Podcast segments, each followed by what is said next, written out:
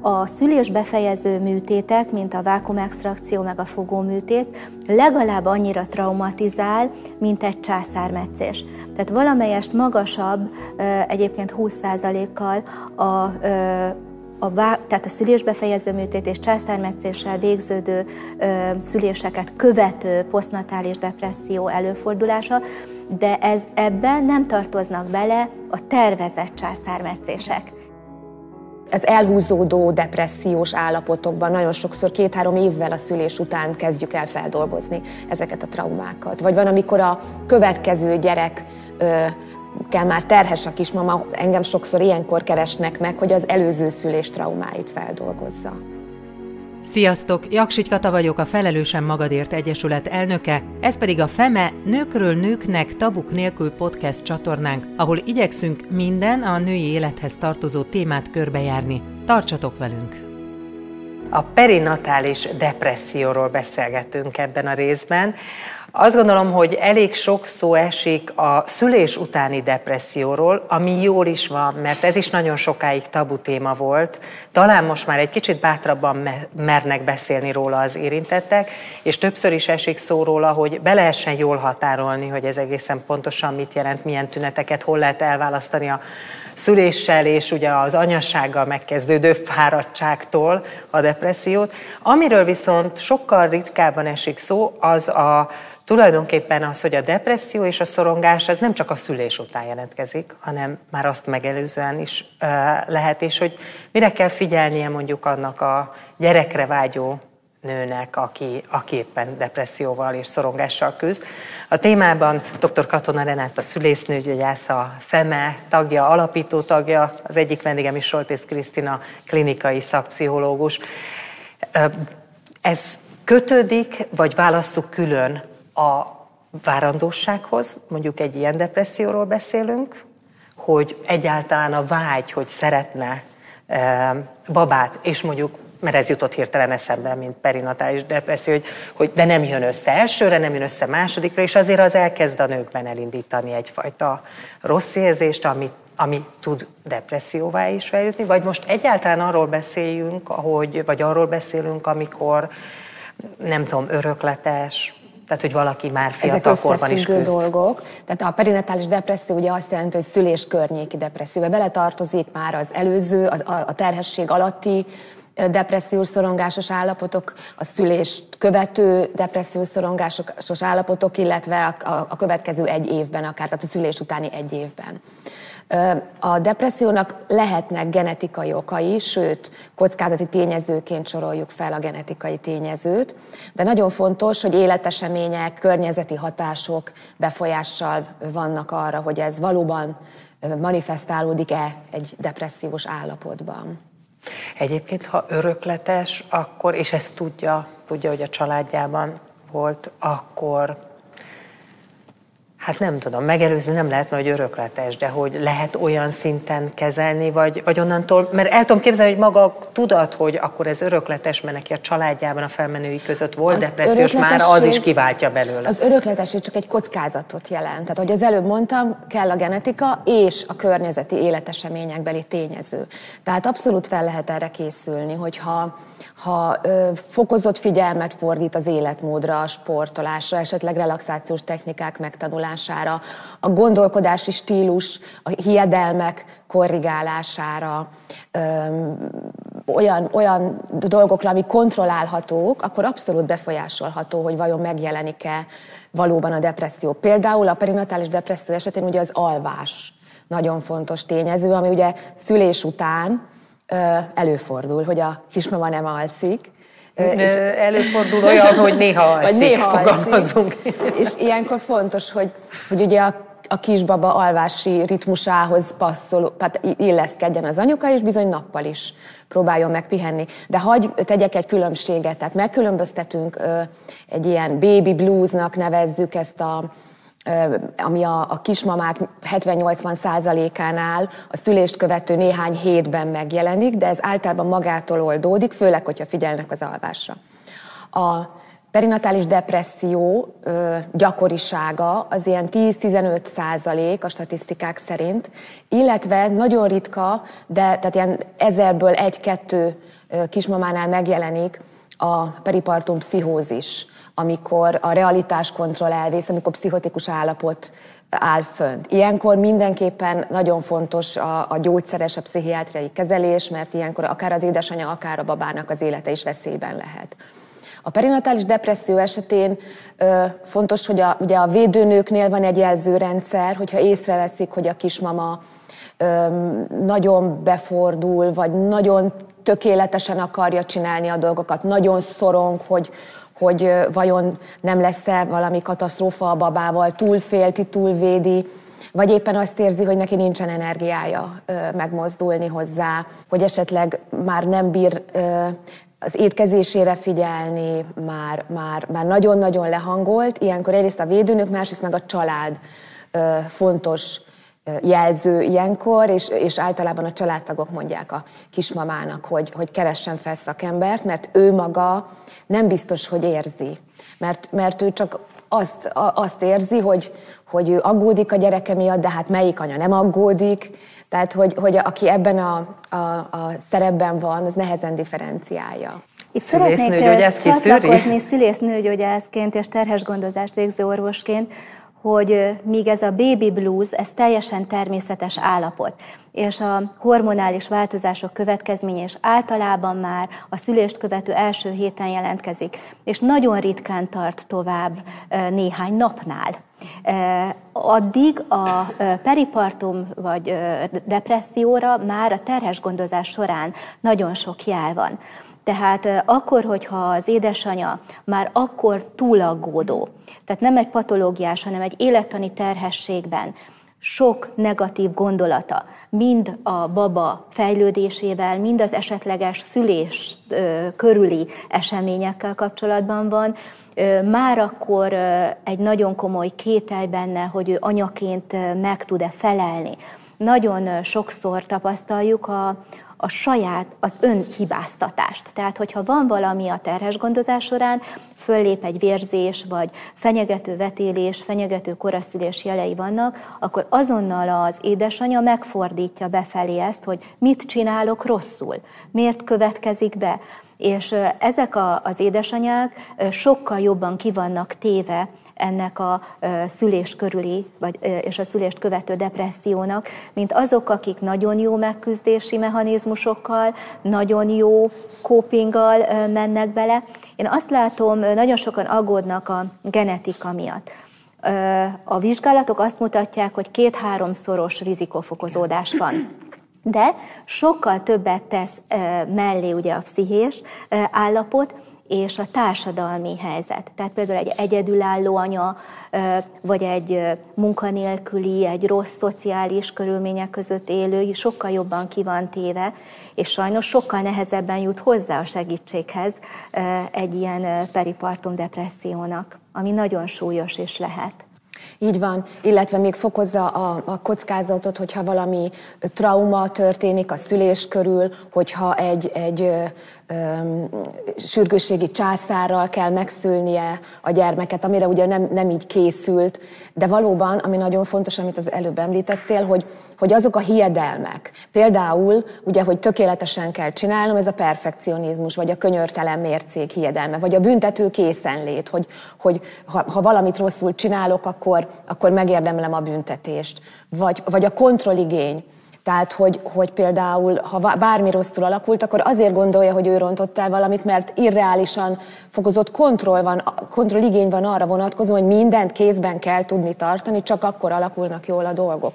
Tehát abszolút ezek a pszichés tényezők, ugyanis minden betegség, minden, és pláne minden pszichés betegség esetén biopszichoszociális modellben gondolkodunk, és ebben az esetben is ez azt jelenti, hogy van egy biológia hajlam, de nagyon fontos a psziché, ide tartoznak ezek a gondolkodási sémák, hiedelmek, illetve nagyon fontos a környezet. Ami alatt értjük a párkapcsolatot, az, hogy a, a várandóság az a kismama oldaláról tervezett volt-e, mert ugye néha a családigényeinek felel meg, vagy például az, hogy, hogy mennyire társadalmi. támogató, vagy társadalmi, vagy mennyire támogató a környezet. Ez mind-mind hozzájárul ahhoz, hogy aztán valóban történik-e, megjelenik-e valamilyen pszichés zavar. Amennyiben um, már gyógyszeres kezelésre szorul még a várandóság előtt jelentkező depresszióra, akkor mondjuk a várandóság egyrészt mennyire befolyásolja a bekövetkeztét, illetve ha bekövetkezik, akkor fel kell függeszteni, vagy, és, és okozhat az aztán problémát a várandóságában? Hát ez nagyon fontos kérdés, hogy, hogy vajon a depresszió, szorongás akadályozza a termékenységet, tehát akadályozza a terhesség létrejöttét. Ebben ö, nagyon különböző kutatási eredmények vannak. Azt kell mondjuk, hogy a krónikus stressz, tehát amikor elhúzódó, ö, hosszú éveken vagy szignifikánsan, jelentősen van jelen az ember életében, akkor mivel az emberi reprodukció nagyon stresszérzékeny, ezért valóban ö, tud egy olyan ö, olyan egyensúly állapot létrejönni, amiben nem jön létre a, a termékenység, tehát nem, nem jön létre a terhesség de ezek az aprós szorongások, azok nem befolyásolják. Ugyanakkor az, hogyha azt gondolja a nő magáról, hogy most ha ő egy pillanatra is azt gondolja, hogy, hogy hát ez a gyerek nem a legjobbkor születne, vagy hogy elég jó anya leszek-e, hogy ezzel akadályozza, az meg már elindít ugye egy fokozott stressz szintet. Úgyhogy én először is megnyugtatnám a, a nőket, hogy, hogy ezek a negatív gondolatok, ez az élet természetes része, tehát ne nagyon küzdjenek az ellen, hogy, hanem, hanem, hanem ez az élet része. Utána már illetve hát a terhesség alatt valóban pont a hiedelmeknek, a pszichének, a pszichés struktúrának megfelelően van, aki fokozottabban hajlamos a szorongásra, illetve depresszióra, és valóban előfordul, hogy, hogy, hogy gyógyszeres kezelésre van szükség. Ugye az első kérdés az az volt, hogy aki már a teherbeesést megelőzően, tehát prékoncepcionálisan depresszióval diagnosztizált beteg, azzal mi történjen az nagyon jó lenne, hogyha már előzetesen, mielőtt még teherbe esik, konzultálna nőgyógyásszal is és pszichiáterével is, hogy mely gyógyszerei hagyhatók el esetleg, azokat hogy kell leépíteni, és hogy pszichoterápiával ő egyensúlyban tud-e maradni. Nem feltétlen az a célunk, hogy elhagyassuk ezeket a gyógyszereket. Nagyon fontos, hogy az anyuka jól legyen. Tehát ugye, hogyha elvesszük tőle azokat a gyógyszereit, és egy ilyen hormonálisan megváltozott helyzetben, és egy csomó megfelelésnek kitesszük, akkor nem biztos, hogy kompenzálni tud ennek a megküzdésében, még hogyha van is segítség ehhez. Vannak bizonyos antidepresszánsok, amelyet a pszichiáterrel jóváhagyva szedetünk egész terhesség alatt is. Nem azt állítom, hogy ennek semmi nemű kockázata nincs. Vannak olyan gyógyszertípusok, az SSRI készítmények, amelyekkel már elég nagy tapasztalatunk van terhességben.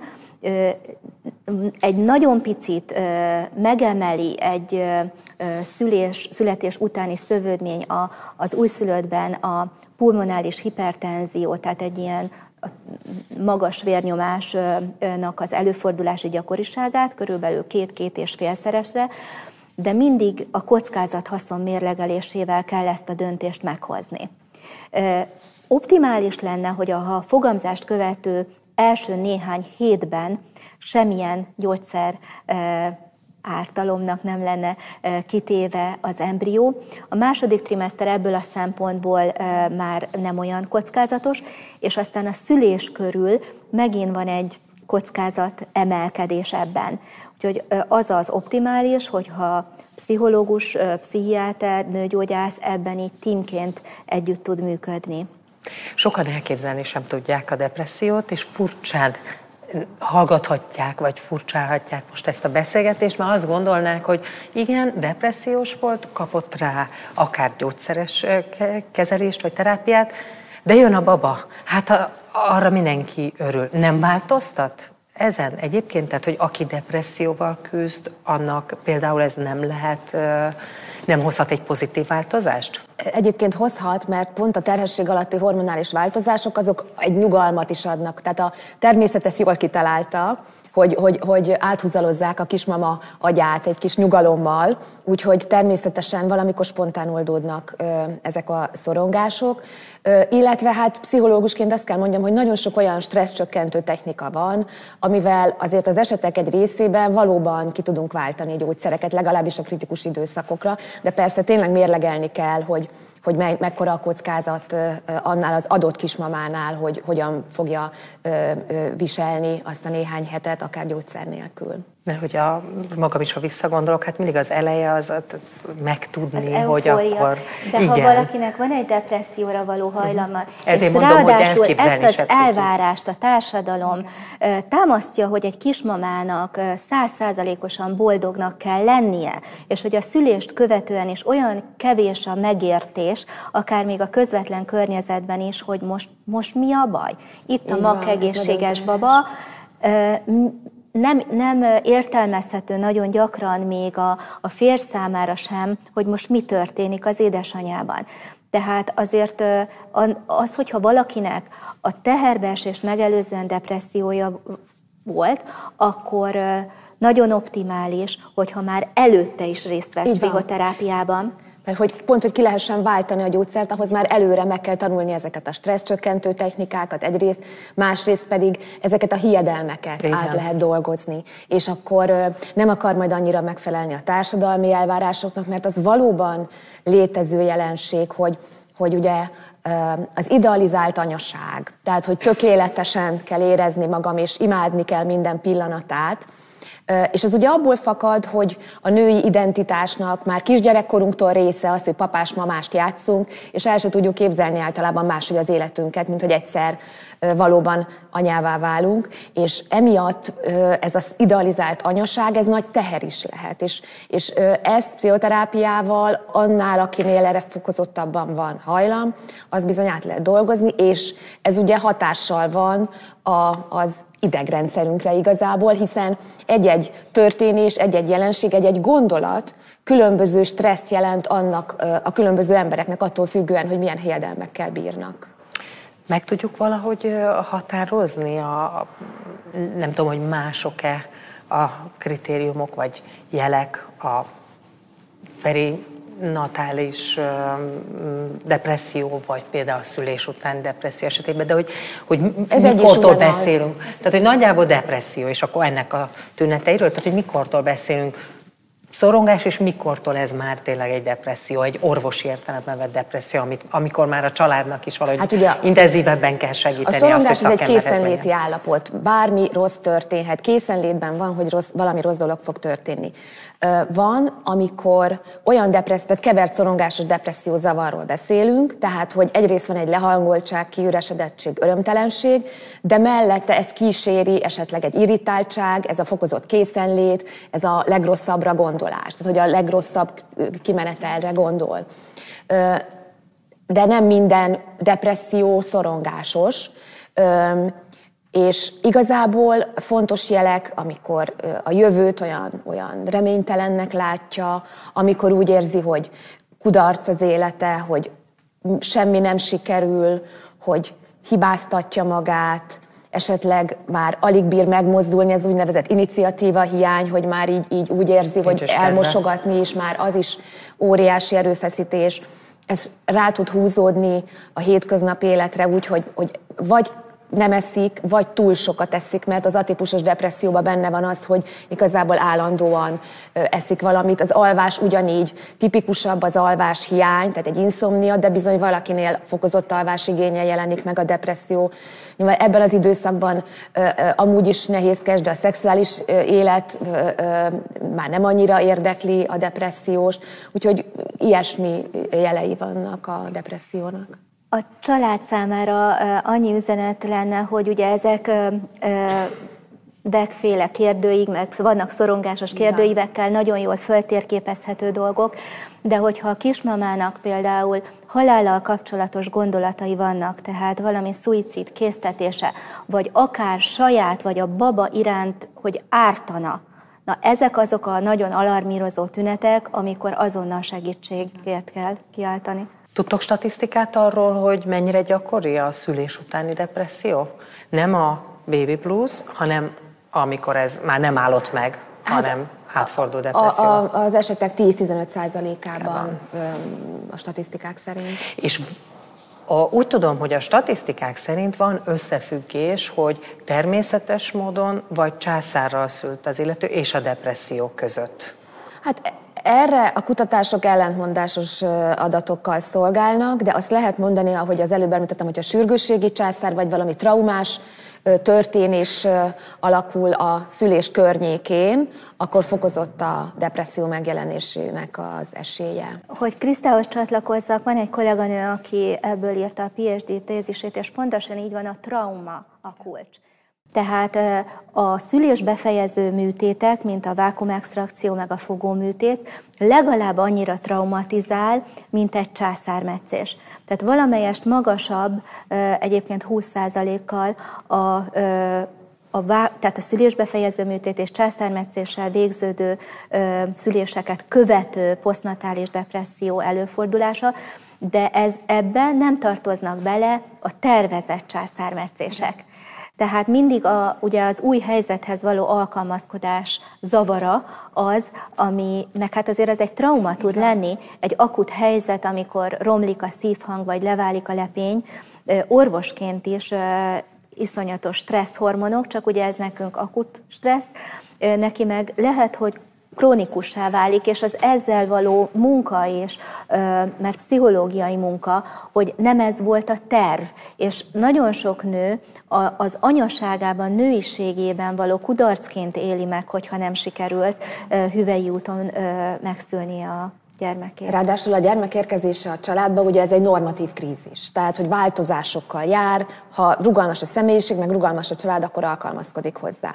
De hogyha ezt a normatív krízis még megterheli egy traumafeldolgozás szükségessége, tehát nyilván akkor pont arra nem marad már pszichés energia. Tehát ugye az, hogy így alakult ez a szülés, az egy, annak az elfogadásához egy gyász folyamaton keresztül jutna el a kismama. Csak hogy ő akkor éppen nem tud ezen a gyász folyamaton keresztül menni, hiszen éppen az újszülött Traum, gondozásával van elfoglalva, vagy az család újra alakulásával a gyermek érkezése után, és egyszerűen erre nem marad energia, és általában ezek később jelennek meg tehát, hogy, hogy, hogy ez elhúzódó depressziós állapotokban nagyon sokszor két-három évvel a szülés után kezdjük el feldolgozni ezeket a traumákat. Vagy van, amikor a következő gyerek kell már terhes a kismama, engem sokszor ilyenkor keresnek meg, hogy az előző szülés traumáit feldolgozza. Még egy fontos kérdés jutott eszembe itt a beszélgetés végére. Szoptát, szoptatás alatt is ugye nagyon sokszor meg inkább jobb kerülni a gyógyszereket. Mi a helyzet a depressziós beteggel? Hát én úgy tudom, hogy hasonló, ez is pszichiátriai kompetencia eldönteni, de hasonló, mint a, a, a terhesség, terhesség alatt. Tehát, hogy mérlegelni kell, hogy, hogy milyen előnye, illetve kockázata van, de, de számos paciensemnél tudom, hogy, hogy szoktak gyógyszert szedni szoptatás alatt is, tehát léteznek olyan gyógyszerek, amit lehet. Picit ellentmondásosak a klinikai vizsgálatok ebben a tekintetben. Vannak olyan vizsgálatok, amelyek azt írták le, hogy ha az édesanyja szorongás csökkentő depresszió elleni gyógyszert szedett, akkor a babának a mozgás fejlődésében láttak eltéréseket hogy egy picit később állt föl, picit később indult meg a járás, de ez nem volt olyan szignifikáns, hogy ezt a rizikót be kellene vállalni, hogy, hogy, se, hogy mindenkitől elvegyük. Mert ugye az, az a megoldás, hogy szedje a gyógyszereit és ne szoptasson, ez is egy picit kudarc élménnyel jár. Tehát én azt gondolom, hogy ha a pszichiáter kollega közepesen súlyos és súlyos depressziónál vagy posztpartum depressziónál úgy ítéli meg, hogy a gyógyszert szednie kell, akkor még mindig az a jobb mindenkinek szerintem, hogy hogyha ez bizonyos gyógyszercsoportra vonatkozik csak, ezt nagyon fontos hangsúlyozni, hogy hogyha szoptat és figyeljük a babának a fejlődési ütemét. Így van, mert ugye az, a, a, szülé, a gyerek első éve az az ő pszichés fejlődése szempontjából kiemelten fontos. fontos. Tehát, hogyha az anya nagyon szorong, akkor pont ez a válaszkészség, a szülői ráhangolódás nem fog jól működni, és akkor az a gyerek személyiség fejlődése nagyon traumatikus hatással van. Úgyhogy ezért is érdemes mérlegelni, mert hogyha ha csökken a szorongás szintje, akkor abszolút elég jó anyaként tud funkcionálni ebben a nagyon fontos első évben. Köszönöm szépen a beszélgetést. Azt gondolom, hogy már csak azért is fontos, mert hogy pont amit nagyon sokszor elhangzott, hogy a társadalmi elvárás és ez a rózsaszínbe öltöztetjük az egész anyaságot, és, és ugye miatt nagyon sokan nem verik elmondani azt, hogy, mert, mert azt hiszik, hogy akkor ők rossz anyák, vagy kudarcot vallottak, holott valami olyanról beszélünk, amit majdnem minden főleg első szülőanya átesik. Úgyhogy jó ezekről mindig beszélni. Köszönöm szépen. Köszönjük. Köszönjük. Köszönjük, hogy velünk tartottatok. Ha van olyan téma, amiről szívesen hallgatnátok szakértői beszélgetést, írjátok meg nekünk a feme.feme.hu e-mail címünkre. De megtalálhattok bennünket a Facebookon is, felelősen magadért néven. Ha tetszett a mai adásunk, osszátok meg ismerőseitekkel, és kövessétek podcast csatornánkat.